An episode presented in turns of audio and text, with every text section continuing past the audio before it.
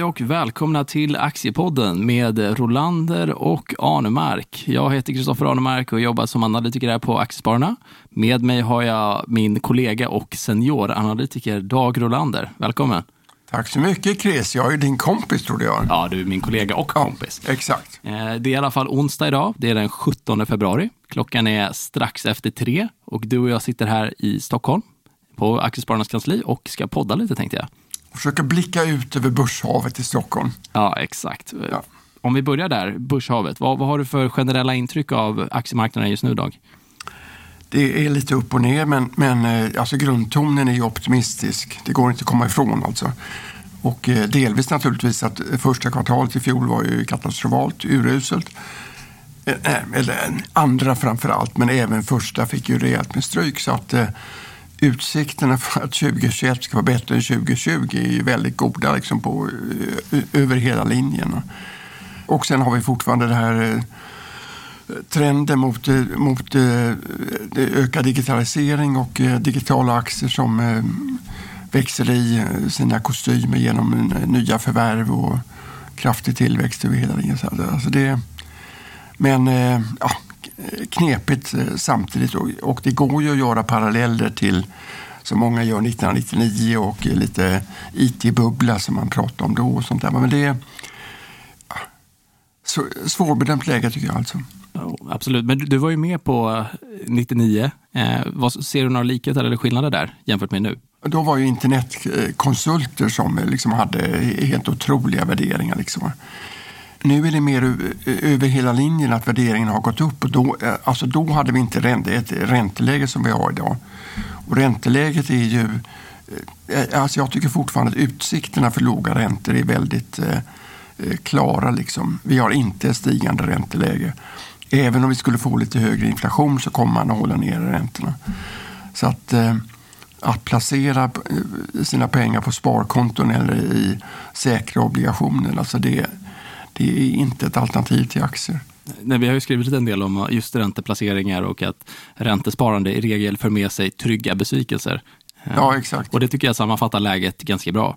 Eh, på aktiemarknaden så kan man ju få eh, otroliga eh, bolag, eh, om, man, om man träffar rätt såklart. Mm. Eh, och man kan få en avkastning som på en vecka som man får i räntesparande på flera år. Ja. Eh, så, så det är klart att man man blir rikligt belönad just nu för att ta risk eh, och eh, i vissa fall mer än andra såklart. Som du, du var inne på de här digitala bolagen, eh, framförallt bolag med en förvärvsagenda. Vi ja. ser ju just bolag som håller på med olika former av underhållning, alltså digita digitala spel eller eh, kasinobolagen har ju kommit in i värmen också. Ja. och ja, jag, tycker, jag tycker man ser ett, ett positivt liksom, en positiv underton i många av de här digitala bolagen. Ja, men dock så är värderingarna så höga nu så att de måste fortsätta att göra förvärv. Vilket de gör ju. Och eh, de, de, de stora amerikanska liksom, så kallade fangbolagen de värderas ju med, med liksom P tal på 25-30. Så det är inte uppseendeväckande högt. Liksom. Men, men Apple gör ju inga förvärv. De har ju en underliggande stark orga, organisk eh, tillväxt. Liksom. En bra plattform som de bygger vidare på. Ja, som de bygger vidare på successivt. Men, men eh, de bolag som, som Evolution Gaming och liknande som, som, som har liksom dubbla sin kurs och som, som springer vidare. Liksom. För, för att det ska funka så krävs nog att de eh, fortfarande har en förvärvsagenda framåt, liksom, vilket de har. Och det finns en hel del förvärv att göra så att det är liksom inte orealistiskt att de kan eh, komma mycket längre på vägen. Liksom. Men, men eh, att, eh, att spekulera GameStop och sånt där, det är ju du och jag helt emot naturligtvis. Ja. Alltså. För att det där är ju ett spel. Liksom. Det handlar ju enbart om att att eh, hoppa ur i tid. Liksom. Exakt, så är det ju när man, när man spekulerar i tillgångar utan riktig substans. Så blir det ju ett derivat på vad andra gör. Eh, och eh, Warren Buffett har ju insiktsfullt sagt en gång i tiden att man ska köpa bolag som man känner sig bekväm med att äga om börsen stängde ner i tio år. Ja. Eh, och GameStop är ju definitivt inte ett sånt bolag. Eh, det vågar man kanske inte ens köpa och ha över natten bara. Och vi har ju sett hur, hur, hur kursen har fallit ihop också som en soufflé. Ja, de, de säljer videokassetter i, i fysiska butiker. Ja. Det är ju helt alltså, stendött. Liksom. Den affärsmodellen var bra kanske år 2000. Ja, för 20 år sedan, exakt. Men, Eller eh, 30 år sedan 30 till och år sedan kanske till och med. Men, men jag tänker dock, vi, vi kan väl göra nedslag i just de här FANG-bolagen, för du har ju tittat lite på, på, den, på det amerikanska marknadslandskapet och eh, skrivit en del om just Facebook, eh, Amazon, eh, Apple, Netflix och eh, Google, eller Alphabet som det eh, moderbolaget heter på, på New York-börsen. Vad, vad är din generella bedömning om de här bolagen, av de här bolagen? Du sa att det, det är inte så uppseendeväckande dyrt, men eh, finns det potential i det här? Tesla tog jag med där. Ja. I, alltså de, de ingår ju inte i FANG-gruppen, så att säga. men alltså de har kommit in efter att det här begreppet myntades. Och, eh, alltså min uppfattning är ju att, att Tesla är extremt eh, övervärderat, även om de har en jättebra bil. Så, så är det liksom, eh, aktien eh, är inte, det är som väldigt svårt att, att, att räkna hem en aktie som handlas till P 200 liksom. Och som har en, en, som inte likt de andra eh, alltså bolagen i den här gruppen, alltså har ett monopol inom sin nisch. Det har ju inte Tesla. Det finns ju eh, flera tiotals kinesiska elbilstillverkare som vi inte känner till, men som säljer elbilar i Kina, som är världens största elbilsmarknad. Och du har Volkswagen och flera andra europeiska eh, eh, elbilstillverkare också. Så det är helt uppenbart att Tesla i framtiden kommer vara en av mängden. Liksom. Och eh, det är en orimlig värdering. Sen köpte ju Elon Musk bitcoin och fick bitcoinpriset att skena och kanske har han sålt, han köpte bitcoin för en miljard. Så att om, om bitcoin går upp eh, 50 procent så tjänar han ju mer på bitcoin än, än vad han gör på, på att tillverka bilar. Så att det är ju eh, det är en märklig värld alltså. Det är lite tecken i tiden att Tesla går in i krypto, en av de mest spekulativa tillgångarna i världen kanske man kan säga. Och att han gör det. Och, att han gör det driver ju upp bitcoinpriset. Så att nyheten om att de köper driver priset. Då. Och så nämnde han också att de kan tänka sig att, eh, att eh, man ska kunna köpa eller alltså betala för, sin Tesla med hjälp av bitcoin i framtiden. Vilket ju också är en väldigt speciell eh, idé. Liksom. Men, men eh, det ökade också intresse för bitcoin förstås. Så, så Tesla är du lite försiktigt inställd till, men det finns ju fler bolag där som du sa. Ja, men de, de påminner alltså, alltså lite som GameStop, alltså, att det är en rent spekulativ grej. Liksom. För att det, det, det, det går inte att räkna hem dem egentligen, tycker jag. Alltså. Och sen att, eh, att, att andra aktier här som Facebook och, och även Google, liksom, att de handlas till P 2025, liksom, det, vilket ju inte är uppseendeväckande alls. Det beror ju delvis på att, man, att det finns en risk här från deras horisont att, att det, det kommer regleringar. Eller att, de får, eh, att du får konkurrens. Det finns, det finns en del som tyder på att, eh, att ungdomar eh, är på väg bort från, från eh, Facebook. Liksom. Från plattformen. Ja, från plattformen. Så att, att eh, deras eh, tillväxtutsikter kan vara lite oklara. Liksom. Men om vi vänder på det, har du någon favorit i, bland de här bolagen? Jag vet inte om du, du har inte skrivit någonting om Microsoft, men det är en sådär, ett bolag som tuffar på också. Jag, jag så nämner de bara här och det är liksom P30. Ja. Så att som, som case eh, så, så tror jag att, de att det fortfarande är helt okej. liksom. Ja. Köp och behåll. Liksom. Så att då Apple, Apple tror jag på samma sätt. Ett bra välskött bolag som har ganska ljusa utsikter. Ja, och, och en jättestark eh, marknadsposition inom sin, e- på, på sin egen telefon och datornisch. Liksom. Att de ligger med marginal på sina, telefo, på, sina telefoner väl över 50 procent. Det är otroligt. Ja, det är otroligt egentligen. Och sen, eh, och sen så, så, så, så har de väldiga marginaler på appar som säljs över deras hemsida. Och sen leker de nu med att, eh, att komma fram med en elbil om ett par år. Liksom. Och de kan mycket väl visa upp sin bil om, i vår någon gång, visa upp sin modell. Liksom. Och det kommer ju vara en eh, snygg bil så att säga. Spännande produkt som kanske kan lyfta aktien. Så det, det, men men un, underliggande så, så är ju Apple ett väldigt starkt företag och kanonbra balansräkning och ja, tuffa på. Liksom. Och man, mer kan man ju läsa i tidningen också, Ja, ja. som du har skrivit. Eh, Du har skrivit en lite, en lite längre text om de här bolagen. Så det kan man spana in om man vill veta lite mer om fangbolagen i USA.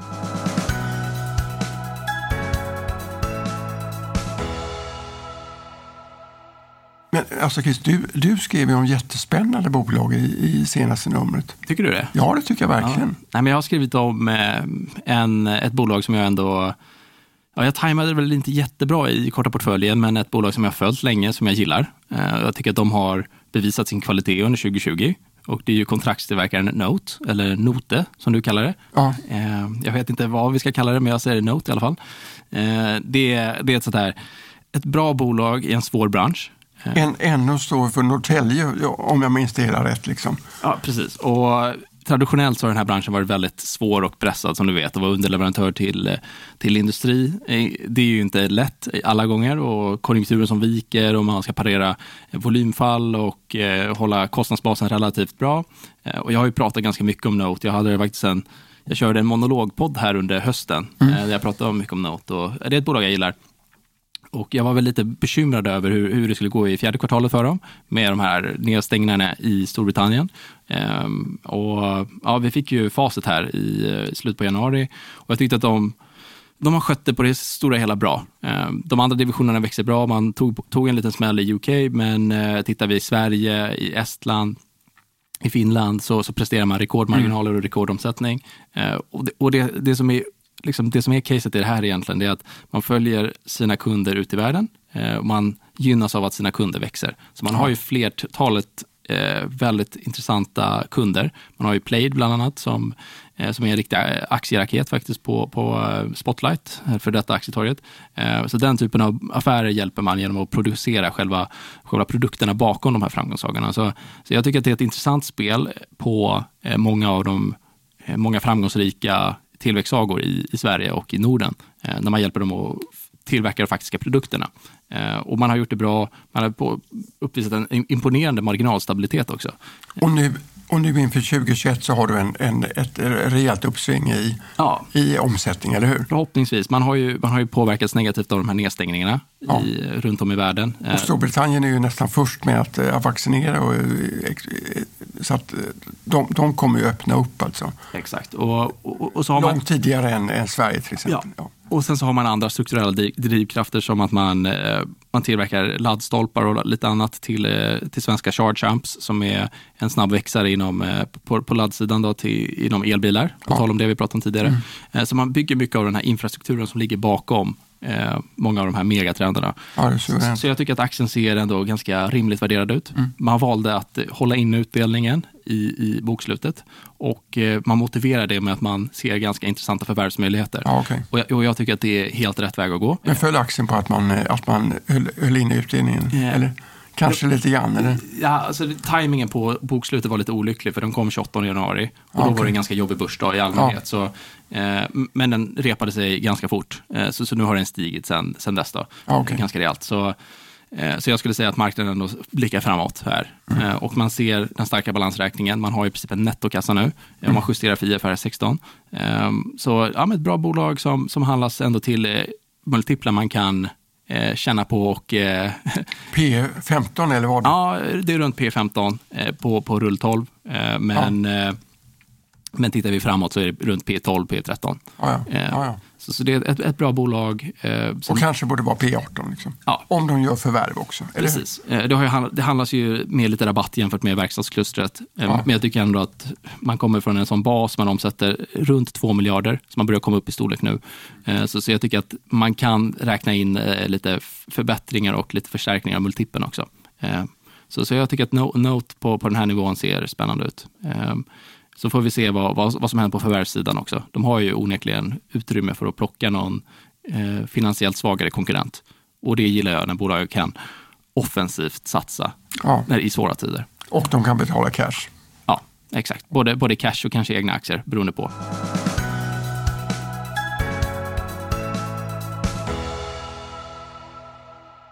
Men Dag, jag tänker att vi går vidare till ett annat svenskt case som du har tittat på. Det är ju en riktig tillväxtraket, ett kvalitetsbolag av rang som har kommit från ingenstans egentligen och blivit ett miljardföretag. Jag tänker förstås på Fortnox och då är det inte Fortnox som ligger i Kentucky med amerikanska guldreserven utan det är Fortnox eh, från Småland. Vad, vad, tycker du om Fortnox och vad, vad är det här för typ av bolag? Alltså de gör alltså ett bokföringsprogram för eh, mindre företag som är tillgängligt på internet. Så att man, eh, man man har sin bokföring på nätet på en applikation som de erbjuder och eh, man, man kan hålla på med det där själv. Och eh, de samarbetar också med, med re, redovisningsbyråer som kör deras program och som då kan eh, samarbeta med sina kunder och kunderna kan leverera en grej liksom, ja, på applikationen. Liksom. Och, sen så har, och sen har de möjlighet att bredda det här. Vilket de, eh, så att de, de gjorde nyligen ett förvärv här i veckan med eh, ett eh, bolag som, som lägger till ytterligare en tjänst liksom till, eh, så som de kan lägga upp på plattformen som är lönsamt från början. Liksom. Och eh, grejen är att de, de var först med det här i eh, Sverige och de har samarbetat med, red, med re, redovisningsbyråer och de är i stort sett ensamma på marknaden om att eh, erbjuda digitala bokföringstjänster. Och det gör att de har en otroligt eh, stark eh, marknadsposition. Och så är, det, så är det billigt. Jag kommer inte ihåg vad det, det kostar ett par hundra kronor i månaden. Liksom. Någon hundring liksom. Ja. Så det är liksom ett, ett, en, en kostnadseffektiv tjänst som, ja, som, som har liksom framtiden för sig. Och så ligger de i Småland så de är uppenbart att de är kostnadseffektiva också. Liksom. Och de tuffar på och, och eh, växer med 30 procent per år. Och vinsten eh, växer kanske med 50 procent om året. Och så handlas de nu med P-tal på 100 vilket är extremt högt. Å andra sidan så är det att fler och fler bolag slutar med att ha bokföring på sin egen dator och flyttar över, flyttar över det till nätet. Liksom. Så att när man byter bokföringsprogram så skaffar man Fortnox-program. Och eh, det gör att, de, att det är liksom... Det, det, deras tillväxt under, under kommande år är i stort sett säker, så det är ganska lätt att räkna på det här. Liksom. Och de, de är själva inne på att fördubbla antalet kunder och att erbjuda fler tjänster så att man också fördubblar eh, det, det, det kunderna är beredda att betala per månad för, för tjänsten i och med att den är bättre. Liksom. Och det där det, det ger ju en rejäl tillväxt under kommande år. Och eh, efter 2025 så finns det ingen anledning att tro annat än att det här kommer fortsätta att tuffa på. Liksom. Så det är liksom en typisk aktie, trots att den är så dyr, att eh, om man köper den, eller man, man, kan absolut köpa den och stoppa den i byrålådan. Och även om den skulle gå ner tillfälligt så kommer den komma tillbaka. Liksom. Då kan man köpa mer? Kan man köpa mer så, så kommer den tillbaka. Och utdelningen som, som är 75 öre, det är liksom ingenting. Är det, det är inte ens en procent eller? Nej, nej. Kursen är, kursen är 460 kronor. Liksom. Okej, så det är en så att, avräknings... Ja, exakt. Och min prognos för utdelning var en krona. Då blev det bara 75 öre. Så jag hade fel på utdelningsprognosen. Här för, alltså jag trodde att de skulle dela ut, eh, att de skulle dela ut 30 procent. Och de körde bara 20 procent. Liksom. Och gjorde förvärv istället? Och så gjorde man ett förvärv istället. Mm. Exakt. Vilket också är positivt då. Liksom, för det liksom ökar ju också möjligheterna för dem. Ja, men det känns som ett, ett väldigt bra bolag. Eh, och sen så, som alltid i de här bra bolagen så gäller det att hitta rätt läge. Eh, som du säger, om man är långsiktig och köper behåll. Eh, aktien har ju gått fantastiskt bra över tid. Eh, så, så det är ju ett bolag som jag har haft på bevakningslistan som jag är lite sur på mig själv att jag inte har plockat upp. Ja, det är klart. Och det är alltid sådär att man, man tänker att det är lite för dyrt och så står man vid sidan och så ser man tåget passera och så står man kvar på perrongen. Och så hoppas man att det ska funka nästa vecka så kan man köpa ändå kanske. Ja, och så glömmer man bort det och så hittar man en nytt case. Ja, och så fortsätter den upp ja. och så glömmer man bort det. Nej, nej, men det är som du säger, ibland så måste man bara slå tag, slå tag i saken och, och slå till. Absolut ett spännande case.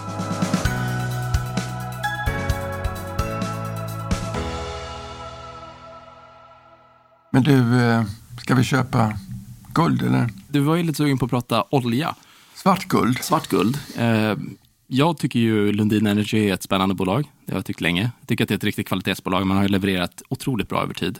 Men nu är ju, som du vet, så är man ju lite i eh, i ett kallt segment på marknaden om man säger så. Just ja. oljeaktier. Fondbolag vill inte köpa oljeaktier. Fondbolag vill inte köpa det och det är prat om stranded assets, att ingen vill ha det här i framtiden och att det är liksom en fossil tillgång med ett bäst före-datum. Så multiplarna ska vara låga. Men... Dock måste vi, fylla, vi, vi måste ju fylla på kraftverket i Karlshamn med olja ju, för att vi ska få el. Till våra elbilar. Vilket är en helt eh, bisarr historia. Men, Ja. men det är ett sidospår. Men, men eh, som du säger, de här bolagen badar ju i, i cash nu med rådande oljepris. Oljepriset har ju gått fantastiskt starkt där på, på Ja. senare tid. Eh, men många av de här oljebolagen handlas till två, tre gånger kassaflödet. Eh, Ja, det är Med- helt otroligt egentligen. Alltså. med, medan, de- medan de förnyelsebara alternativen handlas ja, 10 om kanske till och med 100 gånger högre i vissa fall. Mm. Eh, så, så det är verkligen att marknaden gör ett statement här. Att eh, de här oljebolagen eh, ja, är lite i, i, kylan, bokstavligt talat. Men eh, investerarlegendaren Buffett har ju köpt lite oljeaktier. Noterade du här, häromveckan? Ja, och, och, han sålde, och han sålde banker alltså. Ja. Men bank är i och för sig en billig sektor också. Ja, men han, han sålde JP Morgan tydligen och, eh, och köpte Chevron och andra oljeaktier. Stod i tidningen idag. Liksom.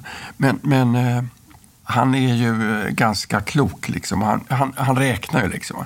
Han är ingen trader. Han tycker att olja har blivit för billigt jämfört med bank. Liksom. Ja.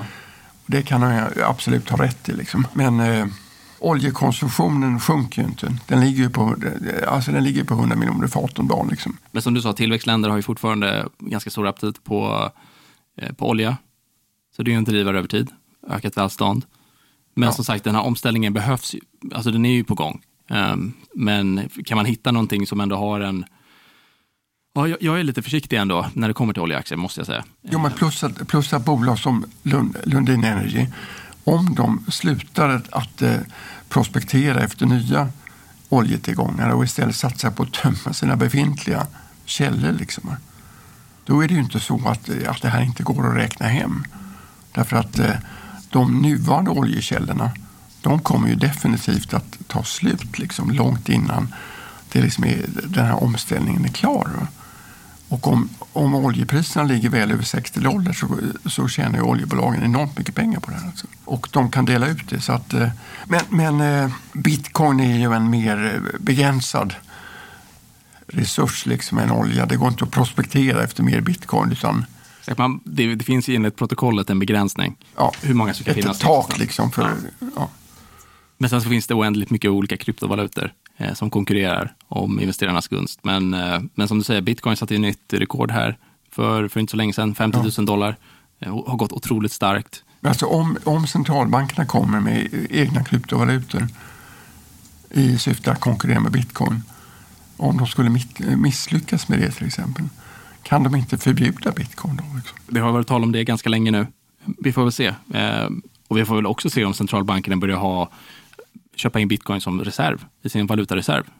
Det är inte otänkbart att, att det är fallet också i många fall. Jag tror, Alltså, jag, om- tror, jag tror den kenyanska centralbanken har Sagt det. Ja, de, jag tror de, har De- köpt in lite i, de- i de- valutareserven. Ja. Ja, men de spekulerar i det alltså. Ja. Precis som Elon Musk alltså. Ja, ja, exakt.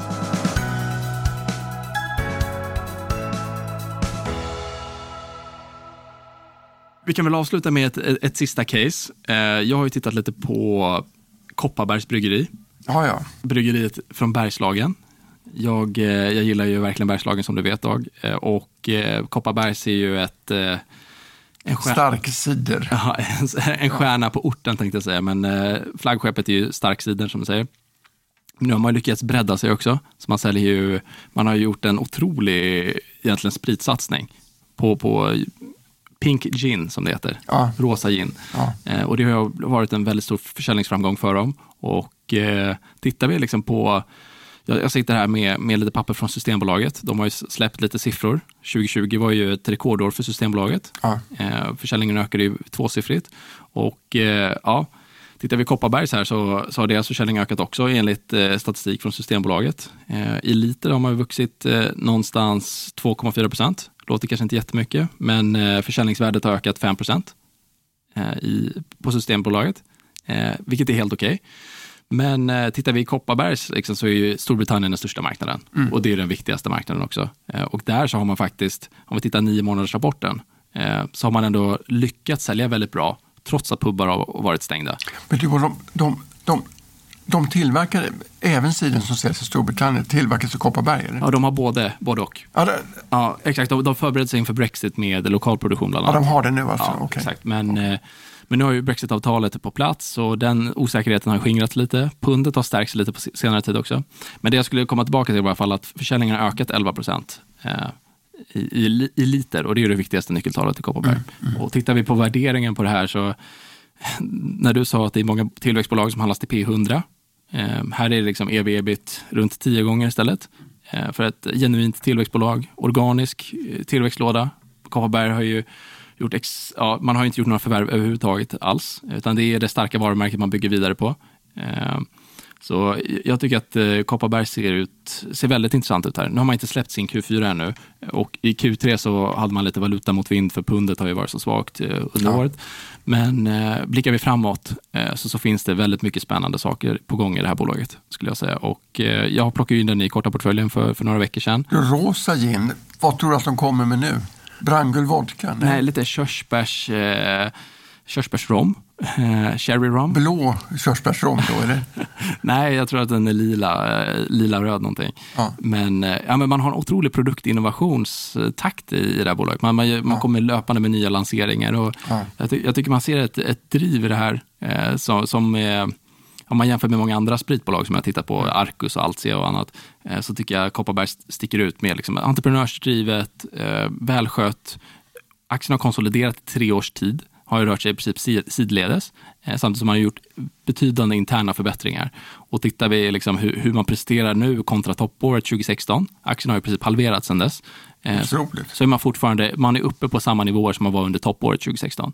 Eh, så multipeln har ju gått ner rejält i det här. Så det är ingen tillväxtvärdering på det längre. Och jag gillar ju sådana här typ av upplägg, när man kan ja. få ett bra tillväxtbolag ja. för, för liksom värdemultiplar. Och det är det det handlar om i det här fallet. Så Kopparbergs tycker jag man kan köpa både på kort sikt och på lång sikt. Du kanske man köper Fortnox och Kopparbergs för att om man köper Fortnox och aktien går ner då kan man ju dränka sorgen i att dricka Kopparbergs. Exakt. Eller hur? Eh, båda är faktiskt noterade på NGM-listan. Så, så de är ju, ja, det är ganska lustigt Det är de, de, två stjärnorna på NGM. Dock, de flyttar Fortnox eh, till, eh, till huvudlistan. Ja, och det har ju varit spekulation om att Kopparberg ska göra detsamma. Ja. Men, men eh, ja, jag tror man behöver förstärka sitt IR-arbete lite då. Men Ja, vi får väl se. Kopparbergs i alla fall, marknadsvärdet runt eh, liksom 3, 3 miljarder någonting. Så jag, jag tycker att det, det, ser billigt ut. Utdelning har de också, så de delar ut 3-4 procent någonting. Eh, så, så, och, och var ett av få bolag som mm. faktiskt delade ut under 2020. Förvisso lite lägre än vad man hade räknat med, men, men ändå, ändå så var man ett av få bolag som faktiskt delade ut pengar när det var som värst under covidkrisen. Du, äh, du Chris, det kommer jag inte alltså, tipsa dem om. Ja. Att göra en öl som heter Fort Knox. Ja. Så kan de som sitter och bokför ta en öl för att det ska bli lite roligare att bokföra. jag tror, tror man får ihop siffrorna En Fort Knox-öl liksom.